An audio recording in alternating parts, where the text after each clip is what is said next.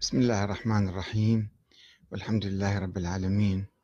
والصلاة والسلام على محمد وآله الطيبين. ثم السلام عليكم أيها الأخوة الكرام ورحمة الله وبركاته. أحمد الكاتب يتذكر آه واحد الولادة في أعماق التاريخ. سبق أن نشرت مذكراتي الثقافية والسياسية بصورة مختصرة. وأرى من المفيد نشرها بصورة موسعة كما كتبتها قبل حوالي عشرين عاما. وأبدأ بالحلقة الأولى بناء على طلب بعض الأخوان الذين طلبوا مني أن ألقيها يعني بالصوت والصورة وليس فقط بالكتابة. الولادة في أعماق التاريخ.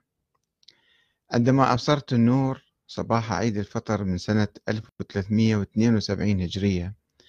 المصادف 13 حزيران 1953 ميلادية في مدينة كربلاء في العراق. كان النظام الملكي في العراق يلفظ أنفاسه الأخيرة. في حين كانت المعارضة العراقية تتصاعد وتتخذ طابعا يساريا شيوعيا أو هكذا كان النظام يوحي إلى الناس وخاصة المؤمنين المتدينين منهم. وعلى رغم أن مدينة كربلاء ذات الطابع الديني كانت تقف موقفا سلبيا من النظام الملكي الذي قام على أنقاض ثورة العشرين التحررية التي قادها المرجع الديني الشيخ محمد تقي الشيرازي وكان يتخذ من كربلاء مقرا له إلا أنها شهدت ولادة حركة إسلامية كربلاء يعني. كربلاء شهدت ولادة حركة إسلامية للوقوف في مواجهة الموجة الإلحادية. وذلك بقيادة مجموعة من رجال الدين أو علماء الدين بقيادة السيد محمد الشيرازي. وكان والدي عبد الزهر الحاج عبد الزهراء ابن عبد الأمير ابن الحاج حبيب الأسدي. واحدا من شباب تلك الحركة. وكان يبلغ من العشرين من عمره عندما تزوج في خريف 1952 وعاهد والدتي شكرية بنت الحاج عباس ابن علوان الهر الخفاجي على أن يقدما باكورة زواجهما في خدمة الدين. وكان أبي وجدي يكسبان قوتهما من تجارة خاصة بكربلاء. هي تجارة المسابح والترب الحسينية التي يسجد عليها الشيعة ولهما مع عدد من أعمامي وأقاربي وأبناء عمي بضعة محلات في شارع علي الأكبر الذي كان يصل بين مرقد الإمام الحسين ومرقد أخيه العباس. ومن المعروف أن مدينة كربلاء بنيت حول قبر الإمام الحسين بن علي الذي قتل على أيدي الجيش الأموي في عهد يزيد بن معاوية. وكانت في البدء قرية صغيرة ثم تطورت إلى مدينة تضم حوالي مئة ألف أو يزيدون. يعني في أواسط الخمسينات مية مئتين ألف يعني كانوا. من العرب والعجم الذين هاجروا إليها في القرون الماضية. ويغلب عليها الشيعة الإمامية الاثنى عشرية. وفيها حوالي 200 مسجد. كلها للشيعة ما عدا مسجد واحد أو اثنين لأهل السنة. يقع آه، الأول في شارع النجارين. وهو خاص تقريبا لموظفي الحكومة وبعض الأفراد القلائل من السنة في كربلاء. وكنت تتعرف عليه بسهولة من خلال الأذان المختلف في بعض العبارات وفي التوقيت المبكر صباحا وعند الغروب. عندما كنت في الخامسة من العمر كان بيتنا يقع في شارع الإمام علي بالقرب من ذلك المسجد. ولكن والدي لم يكن يصلي فيه وإنما كان يدأب على الصلاة جماعة إما في الحرم الحسيني خلف السيد مهدي الشيرازي والد السيد محمد أو خلف رجل دين آخر اسمه السيد محمد رضا الطبسي في مسجد يقع في باب العلقمي في شرق من مرقد العباس بن علي. وكان هناك مسجد آخر قريب من بيتنا أتذكر أن والدي مع مجموعة من أصدقائه كانوا يقيمون فيه محفلا أسبوعيا للقرآن الكريم. يقع في نفس الشارع شارع الإمام علي إلى الشمال من ساحة البلوش التي كانت ذيك الأيام. وذلك في بداية مجيء عبد الكريم قاسم إلى السلطة عام 1958 ولدي صورة إذا تشاهدوها في صفحتي وأنا بعمر الخامسة وهناك احتفال آه، أقيم في هذا المسجد بمناسبة ميلاد الإمام علي آه، في سنة 58 وصور عبد الكريم قاسم أيضا كانت في المسجد لأن الناس كانوا فرحانين وكانوا يأيدون عبد الكريم قاسم ووضعوا آه، صوره في الاحتفال ووالدي أيضا في الصورة يجلس خلفي وأنا أمامه يعني في الصورة.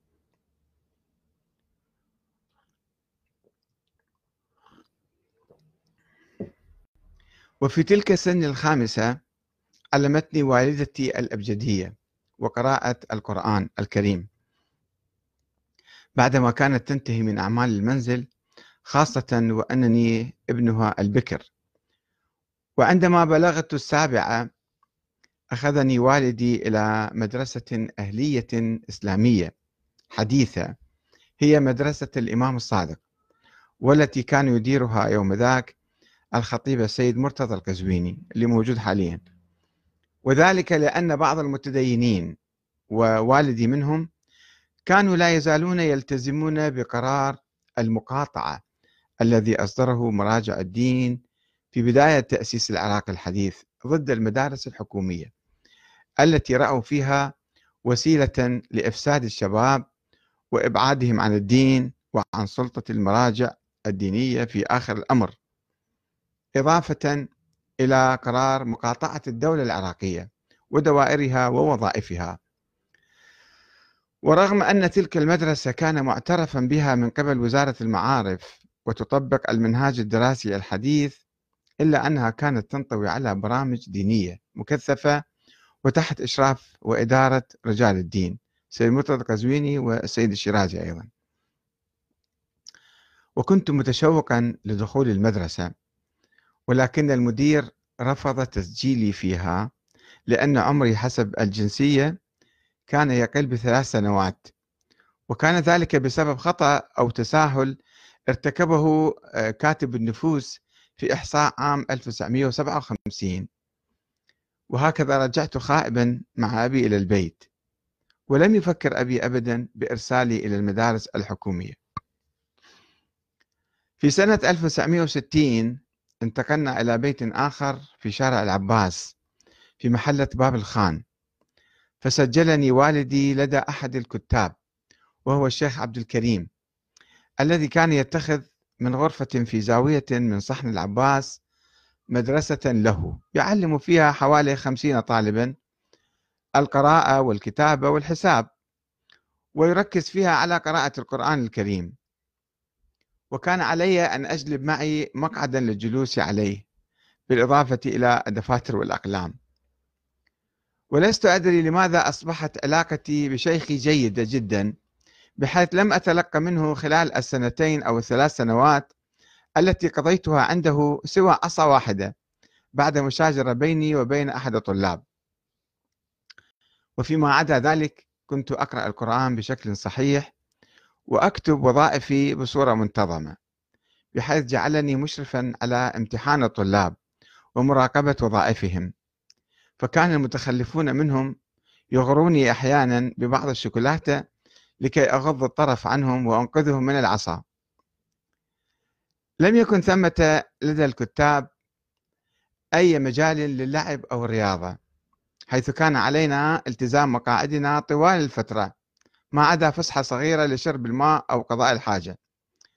ولست أدري لماذا وكيف توجهت في ذلك السن إلى هواية الخط بالأقلام والطباشير على السبورة السوداء.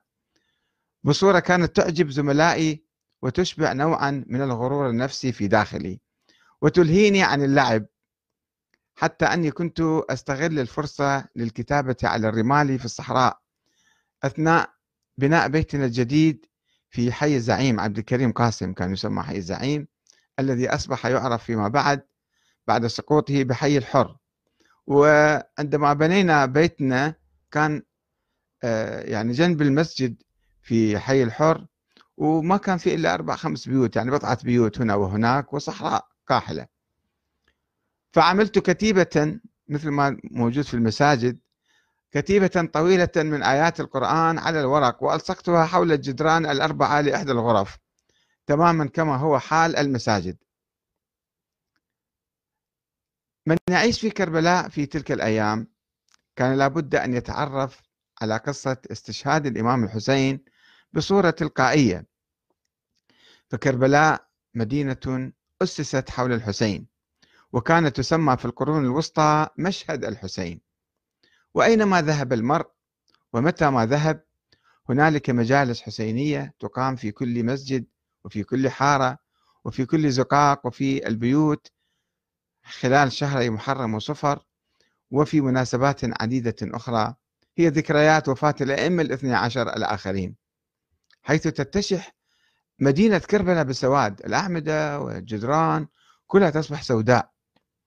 وترتفع الرايات السود في كل أنحائها وتخرج مواكب العزاء من كل صوب فيها ومن كل محلة.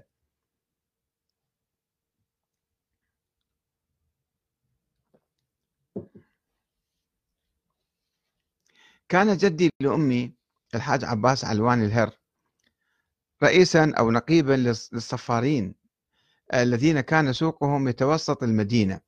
كان هناك سوقا للصفارين سوق, سوق في آه، شرق كربلاء وسوق في وسط المدينة في تقاطع شارع الأكبر مع شارع الإمام علي. وكان يدير موكبا خاصا لعزاء الإمام الحسين وله تكية خاصة أيضا. يخرج هذا العزاء باسم الصفارين. أول عزاء هو يخرج كما متعارف حتى الآن. كل ليلة من ليالي عشرة عاشوراء من شهر محرم وفي كل مناسبة حزينة. وحتى عند وفاة أحد العلماء الكبار أيضا هؤلاء الصفارون كانوا هم الذين يتصدون في إقامة موكب العزاء ولذلك كنت أحتفظ براية خاصة بي اشتراها أبي لي كنت أحملها في مقدمة الموكب مع شلة من الشباب الذين يرفعون أعلاما مماثلة سوداء وحمراء وخضراء. ورغم أن عمود الراية الخيزران كان يبلغ حوالي ثلاث أمتار إلا أني كنت أبذل جهدا في رفع الراية وأتمتع في التلويح بها في الساحات. وفي ذات ليلة رأيت في منامي وكأن معركة كربلاء قد نشبت ورأيت الإمام الحسين ينادي يصرخ بندائه الشهير ألا من ناصر ينصرني؟ ألا من معين يعينني؟ ووجدتني بالطبع ألتحق مع جيش الإمام الحسين ضد جيش يزيد. فقصصت رؤياي على والدتي التي شجعتني ورأت في ذلك علامة مبشرة بالخير وتمنت لي أن أحشر مع سيد شباب أهل الجنة. عليه السلام. وكانت أمي تقول لي بأننا من نسل حبيب ابن مظاهر الأسدي. باعتبارنا من قبيلة بني أسد. طبعا كل بني أسد يعتبرون نفسهم من آه، أحفاد أو نسل حبيب بن مظاهر ولا يتشرفون بزعماء بني أسد الذين حاربوا الإمام الحسين.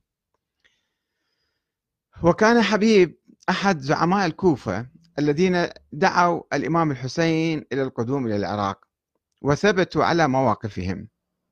وقد قتل وهو يذب السهام عن الإمام الحسين أثناء صلاته يوم عاشوراء ولذلك دفن في ضريح خاص أو يوجد له صندوق خاص أمام ضريح الإمام الحسين. يقع على يسار الداخل إلى الحرم ولذلك كنت أجد علاقة روحية خاصة بيني وبينه عندما أزور الإمام الحسين كل أسبوع. وأقف متأملا ومستلهما ومقبلا ومقبلا له مقبلا لقبره يعني ومتماهيا معه وعاقدا العزم على السير على دربه في نصرة الإمام الحسين في معركته الخالدة.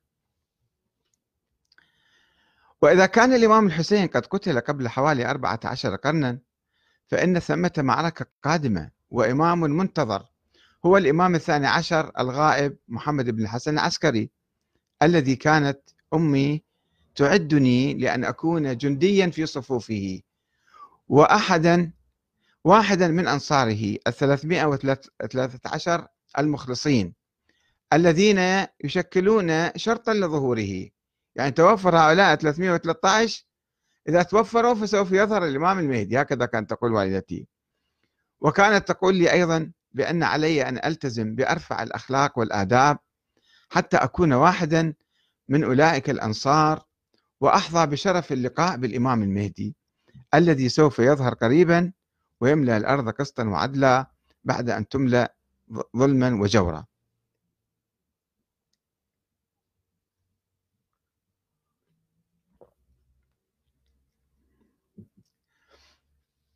كانت والدتي تحكي لي قصصا عن لقاء الإمام المهدي بالشيعة المخلصين من ذوي الأخلاق العالية والالتزام الديني الدقيق. وكانت هنالك في تلك الأيام عادة لدى بعض المؤمنين تتمثل في زيارة قبر الإمام الحسين أربعين ليلة جمعة أو زيارة مسجد السهلة في الكوفة أربعين ليلة أربعاء.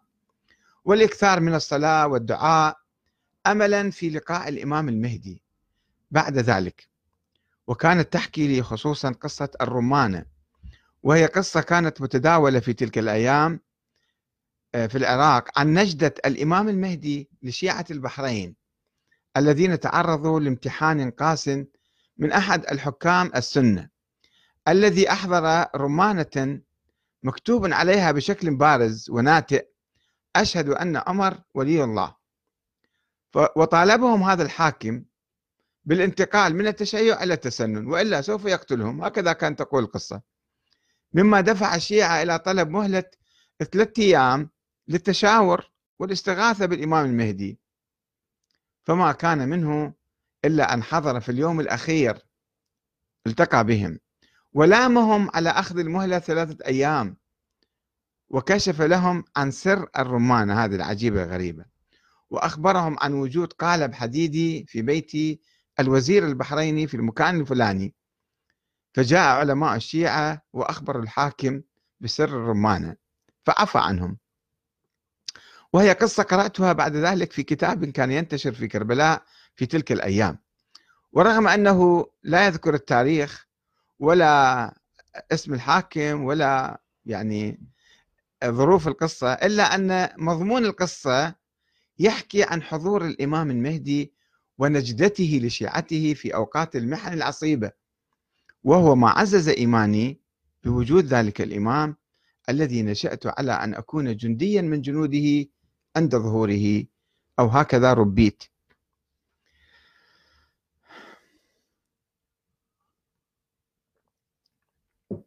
وفي تلك السنوات الأولى وربما قبل أن أكمل العاشرة سافرنا ذات يوم إلى مدينة سامراء.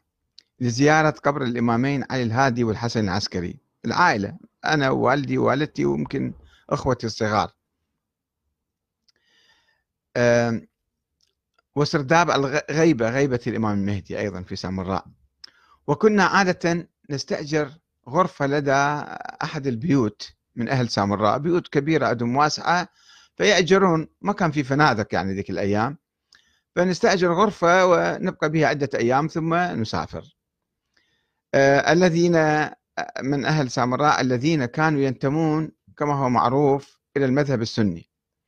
وأتذكر أن ربة البيت التي جلست تحادث والدتي أحبت أن تداعبني فعرضت علي الزواج من ابنتها ولكني رفضت بسرعة.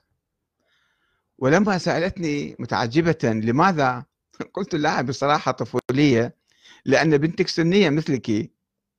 مما سبب لوالدتي حرجا وقد ندمت على جواب ذلك بالطبع فيما بعد حيث خسرت زوجة جميلة من أهل سامراء المعروفين بجمالهم الفائق. وإلى حلقة ثانية إن شاء الله. والسلام عليكم ورحمة الله وبركاته.